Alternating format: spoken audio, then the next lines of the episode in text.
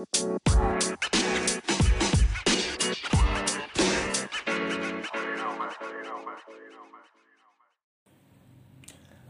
venon alla dec tria episodio de mia podcasto prisano. En la hodeaua episodio ni parolos pri streso. Kio gi estas? Ĉu gi estas malsano? Kiel gi okazas? kial gi okazas. Daurigu en ĉi tiu epizodo por ekscii la respondojn al tiuj demandoj. Ne forgesu aboni mian paĝon en Patreon. Tia maniere vi vere helpos min. Mi estas via Esperanta kuracisto.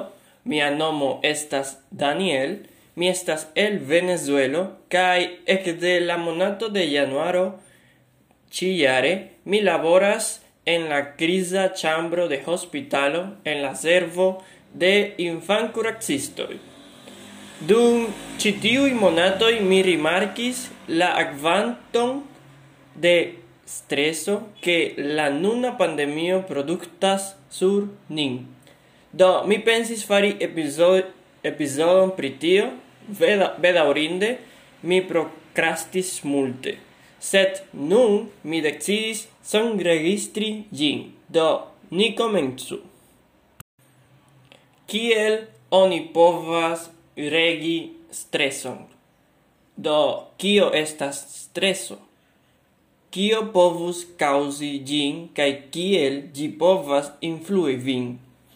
Ne existas medicina difino de streso kaj sanaj profesiuloi ofte malconsentas pri tio, ĉu streso estas la kaŭzo de problemoj aŭ la rezulto de ili. Ĉi tio povas malfaciligi al vi ekscii kio kaŭzas viajn stresajn sentojn aŭ kiel trakti ilin. Sed kia ajn estas via persona difino de streso? versaine vi povas lerni pli bone administri vian streson per mastrumi exterain premoin do strecciai situazioi shainas ne okazi al vi suffice ofte.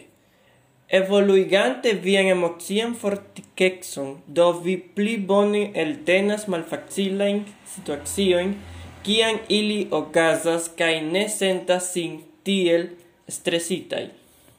Ĉu streso estas problemo pri mensa sano? Do, streso estas normala parto de la vivo. Ĝi povas helpi vin ekagi, senti vin pli energia kaj akiri rezultojn. Sed se vi ofte superfortiĝas pro streso, ĉi tiuj sentoj, sentoj povus komenci esti problemo por vi. Do, streso nesta psiquiatria diagnoso, diagnozo, sed ĝi estas proxime ligita al via mensa sano per du gravaj manieroi. Streso povas kaŭzi menshigienajn problemoin, kaj pli malbonigi ekzistantajn problemoin. Exemple, se vi ofte luctas por administri stresajn sentoin, vi eble disvolvas problemon pri mensa sano kiel angoro au depresio. Problemo pri mensa sano povas causi streson. Vi eble trovos ke tracti la ĉiutagajn simptomojn de via mensa sano problemo kaj eble bezoni administri medicamentoin, rendevuin pri curaxado povas igi extrai fontoi de streso. Do, ĉi povas senti sin kiel malvirta circlo. Kai eble malfacilas vidi kie finillas streso kai kian komenciĝas via mensa san. Exemple, kiam vi estas stresita, vi sentas vin sur la rando de colapso. Kial streso efficas nin fizike. Do, vi eble trovos che viai unui indicoi pri streso estas fisicae signoi kiel laxexo, cat doloroi, au estam estomac doloro. Povus esti multae kialoi por tio, char kien ni sentas stresson, ni ofte malfacile dormas au mangias bon kai malbona dieto kai dormo manco povas ambau influi nian fizikan sano. Citio si vice povas sentigi nin pli en fase emozie. Ancau, kian ni sentas maltraquilon, niai corpoi liberigas hormonoin nomitain cortisolo cae adrenalino. Citio estas la automata maniero prepari la corpon por reagi al minaco, foie nomata la respondo batalo. Se vi ofte estrecillas, tiam vi probable productas altain niveloin de citiui hormonoi, kiui povas sentigi vin fizike mal malbonfarta kai povus influi vian sanon pli long tempe. Kiui estas la signoi de streso? Ni ciui espertas streson malsame en diversai situacioi. Foie vi eble povus tui diri kiam vi sentas vin sub streso. Sed alifoie vi povus daurigi sen reconi la signoin. Streso povas influi vin cae emocie cae fisice, cae gi povas influi vian conduton. Inter la signoi de streso oni trovas che vi povas senti vin colerema, agresema, sen pacienza, sen pacienza, a tro chargita, maltranquila, nervosa, autimema. Kiel viai pensoi curegas cae vine povas malsalti, necapabla, giui vin, deprimita, ne interesita pri la vivo, kiel se vi perdis vian senton de humoro, sento de timo, maltrankvila pri via sano, neglectita au soleca, iui homoi, kiui spertas severan streson, povas ia foie havi men mortigan sentoin. Kion povas causi la streson en via agado?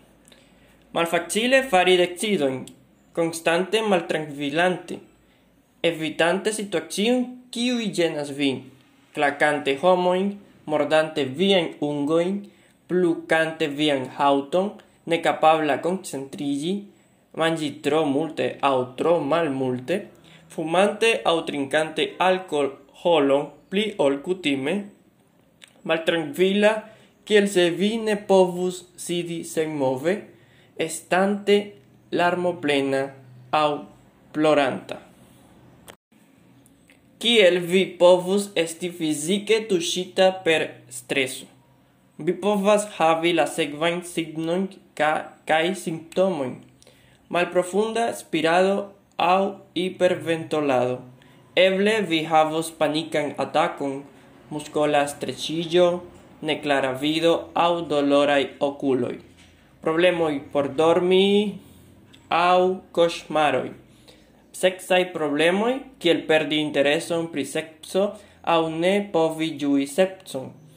Laxa la tutan tagon, capdoloroi, brustai doloroi, alta sangopremo, sen digesto au piroso, malaxo au laxo, sentante nauson, capturnon, cae plus. Kio causas streson? Sentoi de streso estas cutime ec igitai de aferoi ocasantai en via vivo, kiui implicas sub multa premo al frontante granda grandajn ŝanĝojn, maltrankvilante pri io, ne havi multan au ian controlon pri la rezulto de situacio, havante respondecojn kiujn vi trovas superfortaj, ne havi suffice da laboro, agadoi au shangioi en via vivo. Tempoi de enersectexo. Eble uno granda afero causas strechon al vi, Se streso anco povas esti causita de amasillo de malgrandai premoi. Citiu eble malfaciligos vin identigi kio causas vin strechita au clarigi gin al aliai homoi. Do, kial iue aferoi sentigas min estrecitai. La quanto de streso kiun vi sentas en malsamai situacioi povas dependi de multai factoroi, kiel via precepto pri la situacio. Citio povus esti ligita al viai pasintai spertoi, via memfido, kai kiel funkcias via pensproceso.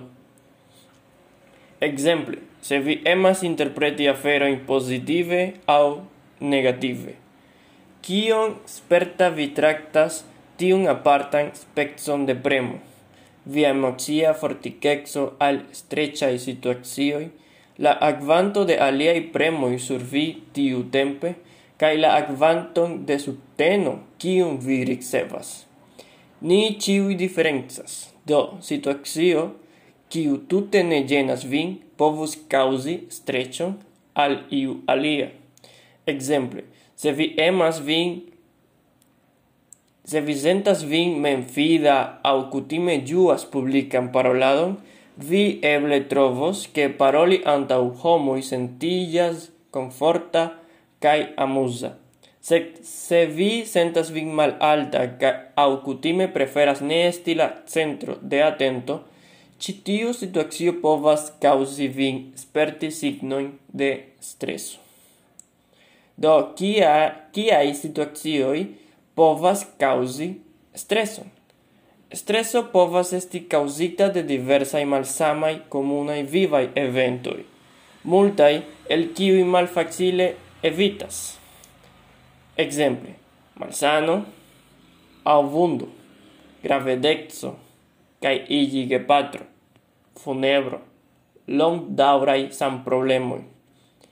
Organizi complican eventon kiel grupa ferio, ciutagai tascoi kiel voyagioi au hem, heimei tascoi. Exigi au travivi rompon au ex exigi malfacilaj rilatoj kun gepatroj, gefratoj, amicoi, au infanoi. Esti prisorganto de amico au paren parenzo, kiu bezonas multan subtenu.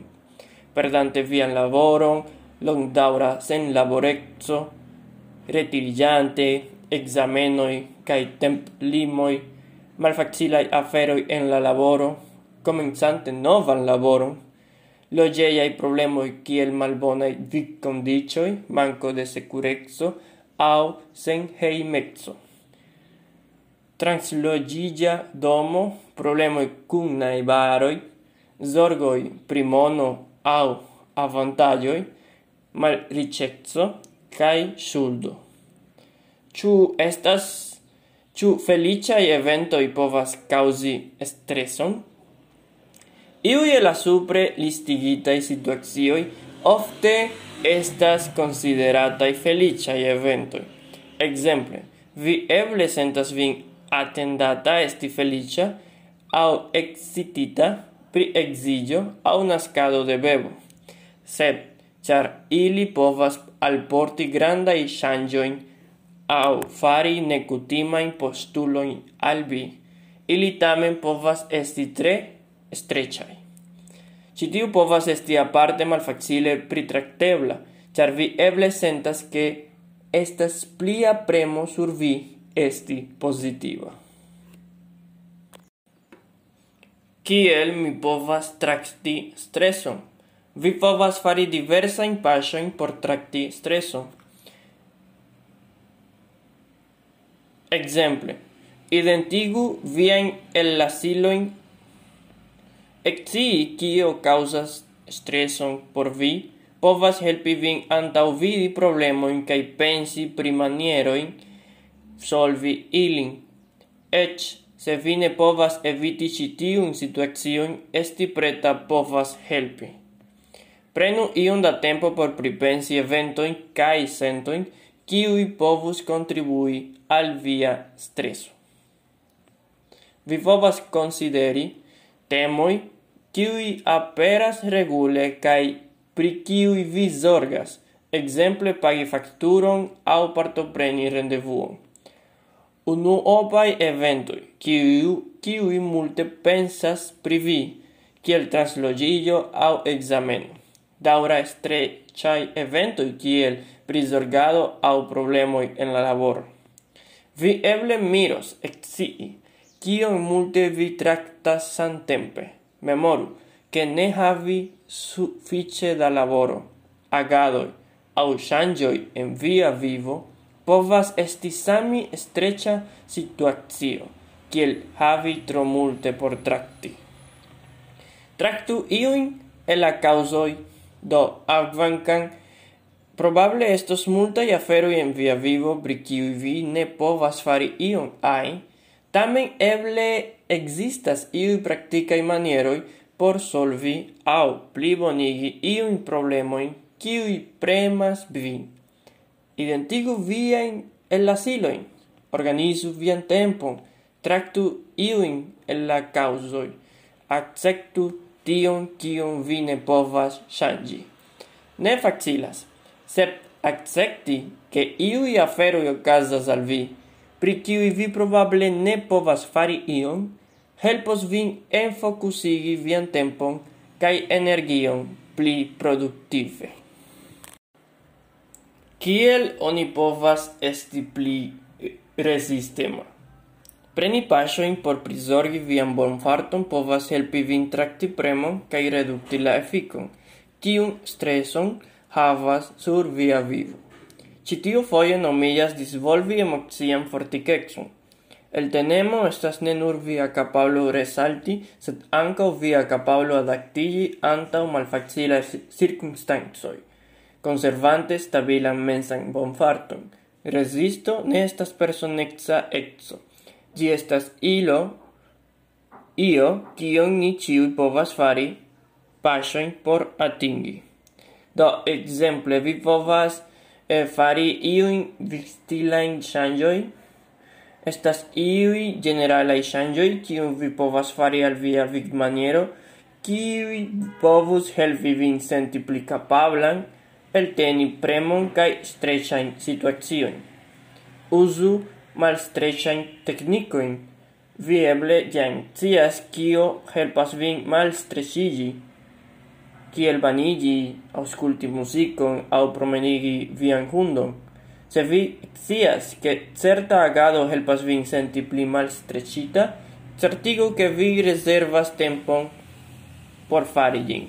Do, evoluigu vian interesojn kaj ŝatokupojn, trovi aga agadon tute alien ol la aferoj kiuj kaŭzas streĉon al vi. Estas bonega maniero foriri de ĉiutagaj premoi. Se streso sentigas vin solexa au isolita, comunai chatocupoi anco povas esti bona maniero renconti novain homoin. Faru tempon por viai amicoi.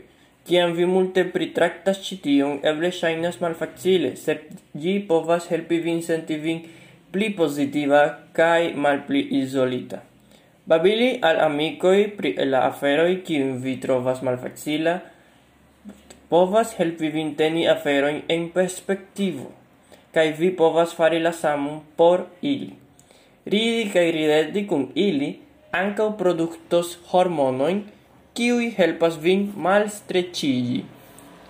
Trovu ekvilibron en via vivo.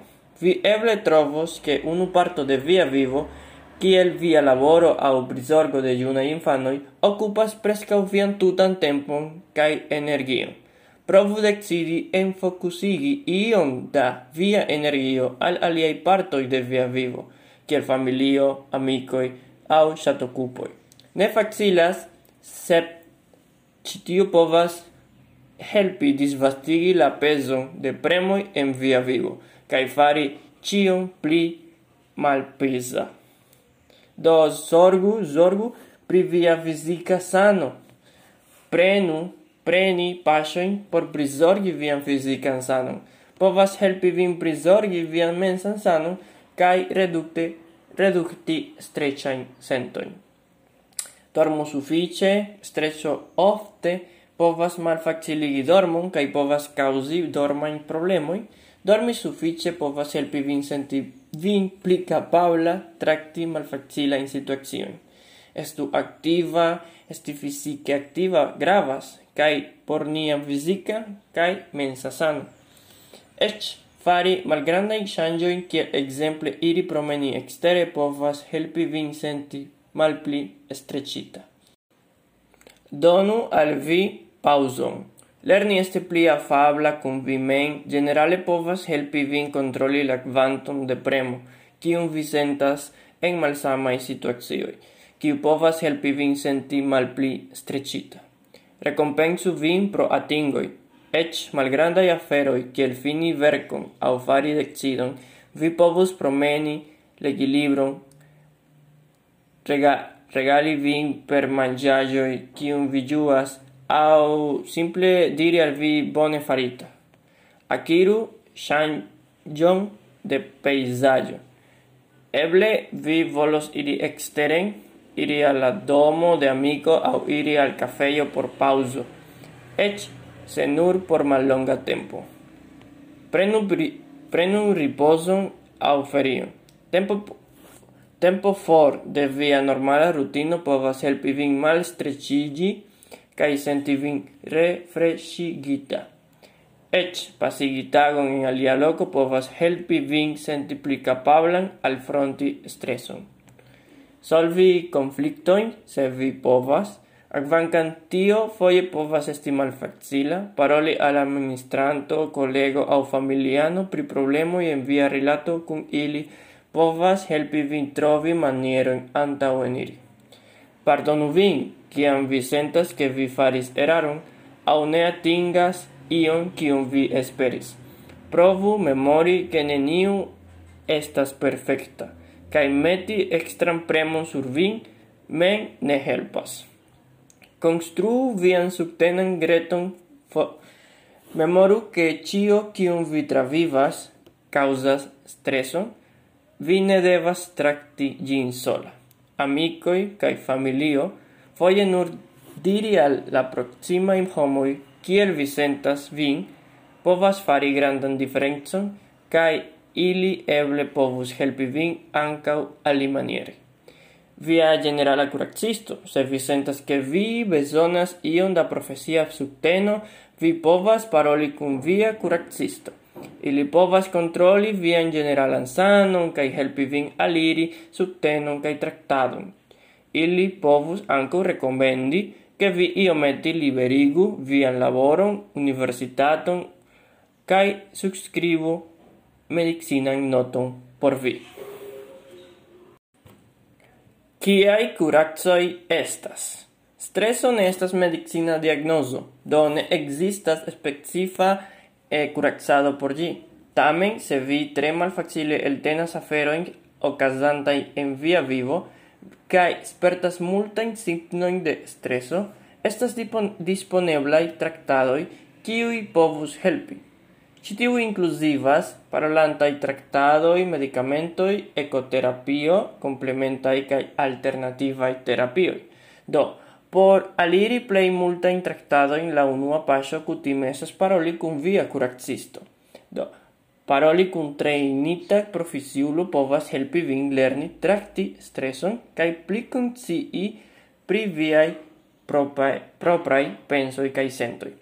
Ofta specoj de parolantaj traktadoj kiuj povas helpi kun streso estas cogna conduto terapio, kiu helpas vin compreni viajn pensmanierojn, rekoni la elasilajn punktojn kaj identigi pozitivajn agojn kiujn vi povas fari.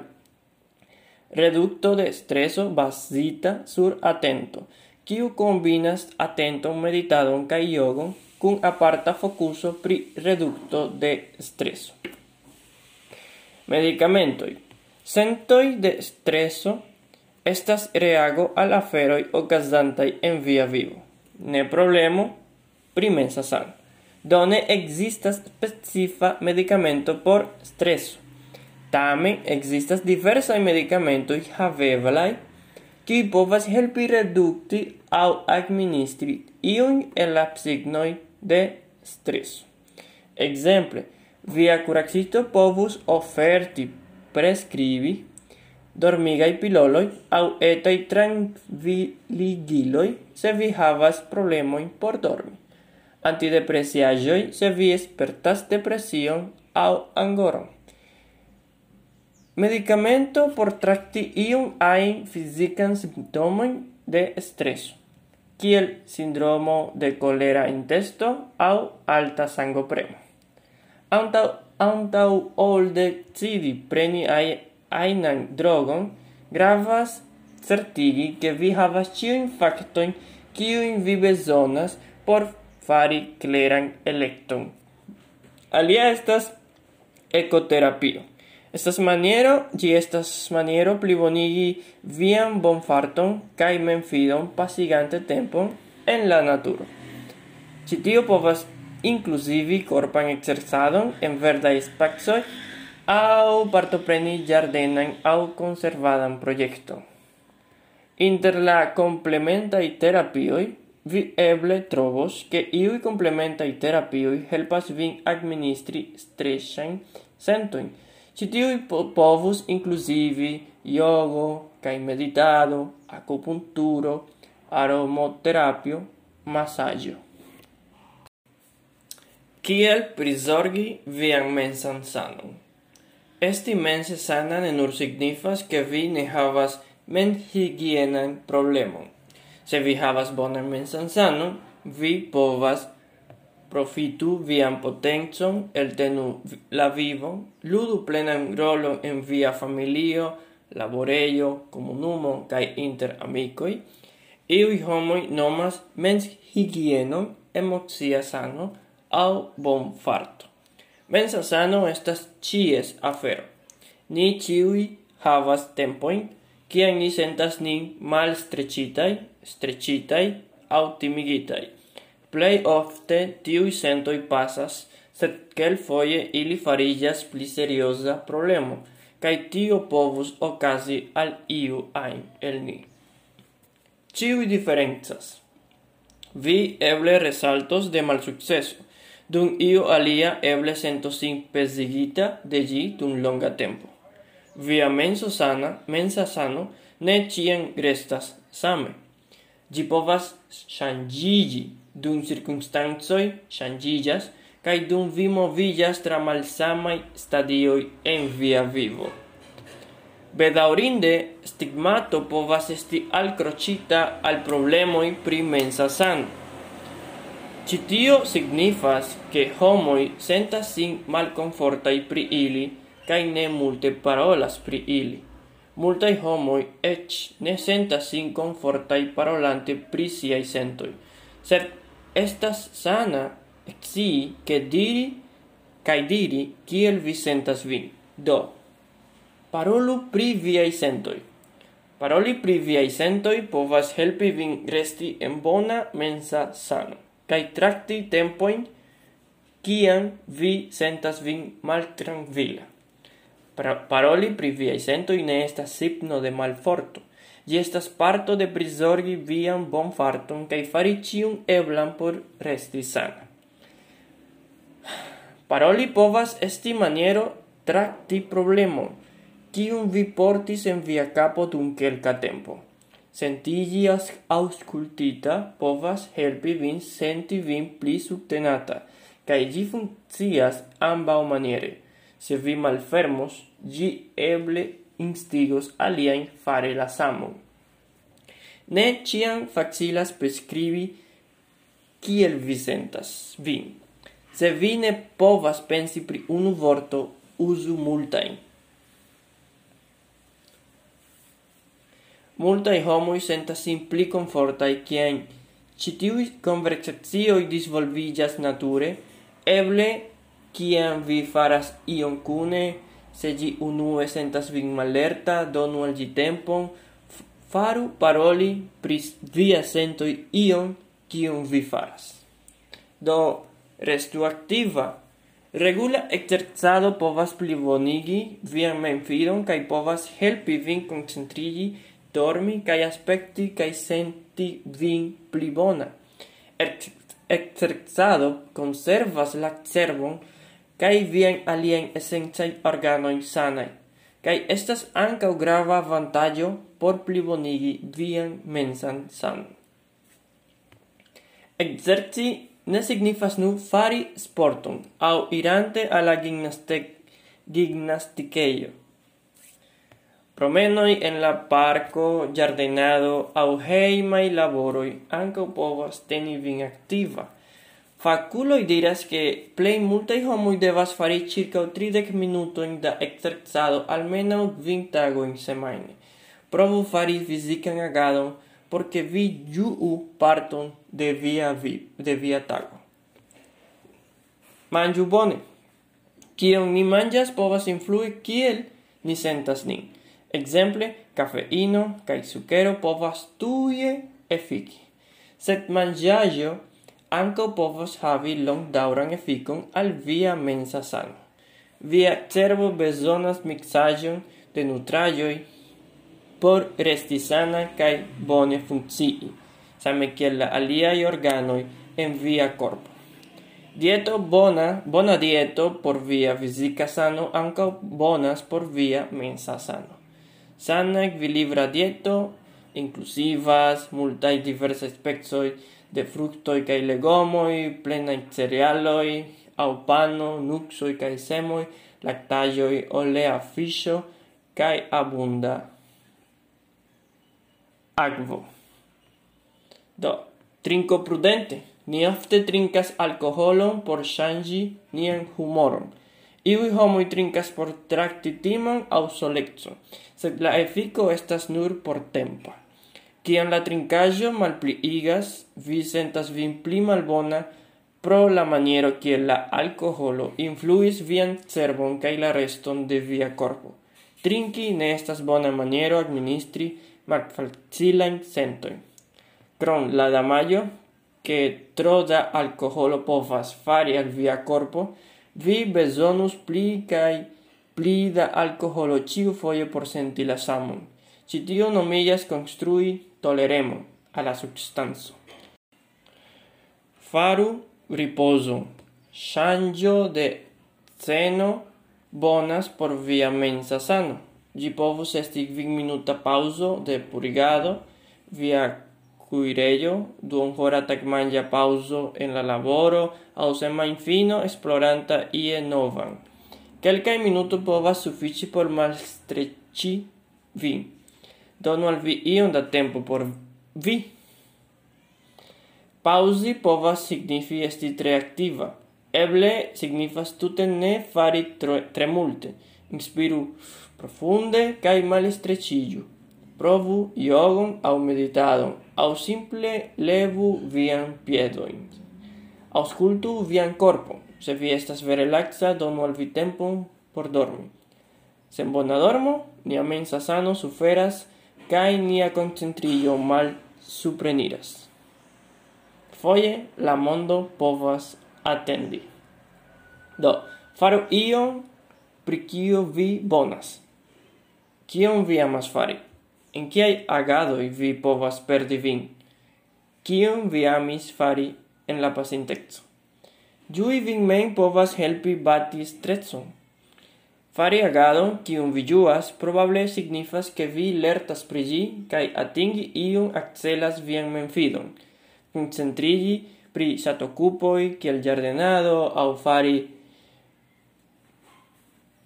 aliai aferoi, povas helpi vin forgesi vien zorgoin dum ion da tempo kai povas shangi vian humoron. Povas esti bone havi intereson kie vi estas – ne vidata kiel ies patrino au pacio, partnero au dungito. Vi estas nur vi. Do, acceptu kiu vi estas. Iu el ni ridigas homoin, iu ilertas pri matematiko, kai aliai cuiras mirindain manjoin, iu el ni dividas en vid manieron cun la homoi, kiu lojas proxime al ni, aliai vivas tre ali maniere. Ni ciui estas malsamai. Estas multe pli sana accepti che vi estas unica ol desiri che vi pli similu al iu alia. Senti vin bone pri vi mem pliigas vian fidon, lerni novajn capabloin, visiti novajn locoin, kaj amicigi. Bona memfido helpas vin elteni kiam la vivo malfacilas. Estu fiera pri kiu vi estas.